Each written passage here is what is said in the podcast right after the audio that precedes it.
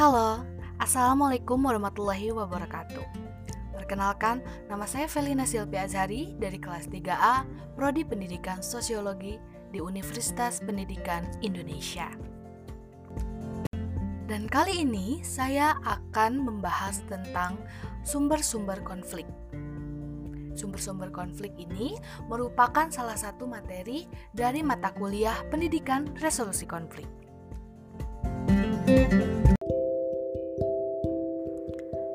Seperti yang kita ketahui, bahwa suatu konflik terjadi, pasti ada sumber konflik yang melatar belakangi konflik itu.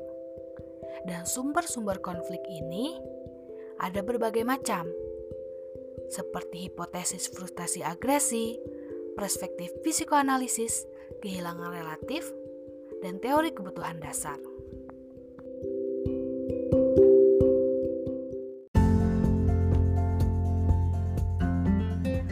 Kali ini kita akan membahas salah satu dari sumber konflik, yaitu dari teori psikoanalisis. Teori ini dikembangkan oleh Sigmund Freud. Psikoanalisis dapat dipandang sebagai teknik terapi dan sebagai aliran psikologi. Sebagai aliran psikologi, psikoanalisis banyak berbicara mengenai kepribadian, khususnya dari segi struktur, dinamika, dan juga perkembangannya. Menurut Freud, kehidupan jiwa memiliki tiga tingkat kesadaran dalam struktur kepribadian, yaitu sadar, prasadar, dan tak sadar. Sampai dengan tahun 1920-an, teori tentang konflik kejiwaan hanya melibatkan ketiga unsur tersebut.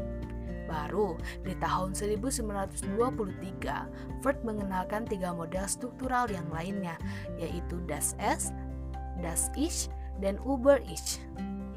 Struktur baru ini tidak mengganti struktur lama, tetapi melengkapi gambaran mental, terutama dalam fungsi dan tujuannya. Lalu, bagaimana nih sumber konflik yang dilihat dari teori psikoanalisis?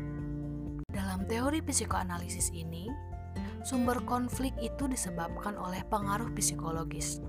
Jadi, ketika seseorang berkonflik, dia tidak sadar bahwa konfliknya itu disebabkan oleh trauma psikologisnya pada masa lalu.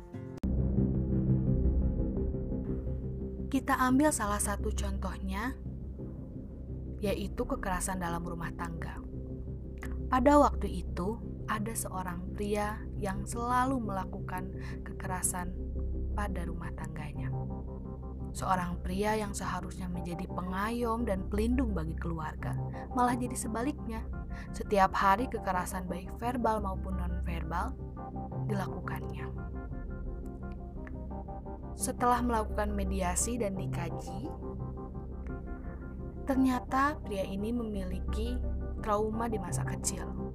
Dahulu, ibunya meninggalkannya saat usia lima tahun. Maka dari itu dia benci dengan wanita karena dia kehilangan sosok ibu dan tidak mendapatkan kasih sayang. Selain itu, setiap hari dia dimarahi oleh ayahnya dengan kekerasan verbal maupun nonverbal, sehingga membentuk kepribadian dia yang sekarang. Dan dia tidak sadar bahwa itu disebabkan oleh traumanya di masa lalu yang belum terselesaikan. Karena sebenarnya, seseorang yang sering terlibat konflik dan bersedih dia belum berdamai dengan traumanya di masa kecil.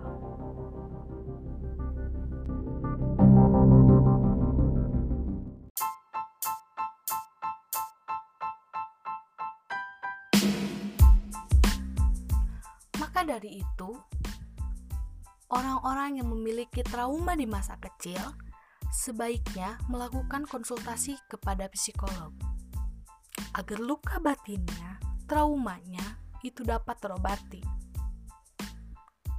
dan konfliknya juga dapat teratasi. Dan sekarang di puskesmas-puskesmas terdekat sudah terdapat psikolog. Jadi orang yang memiliki luka batin di masa lalu bisa berkonsultasi agar luka tersebut bisa terobati dan konflik tersebut bisa teratasi. Karena kesehatan itu tidak hanya dalam aspek fisik saja, melainkan dalam aspek batin juga, karena keduanya saling berkesinambungan satu sama lain. Salah satu contohnya ialah ketika kita sakit batin, maka fisik juga ikut sakit. Maka dari itu, yang memiliki masalah seperti trauma yang bisa menyebabkan konflik itu harus diterapi atau berkonsultasi dengan orang yang memiliki keahlian.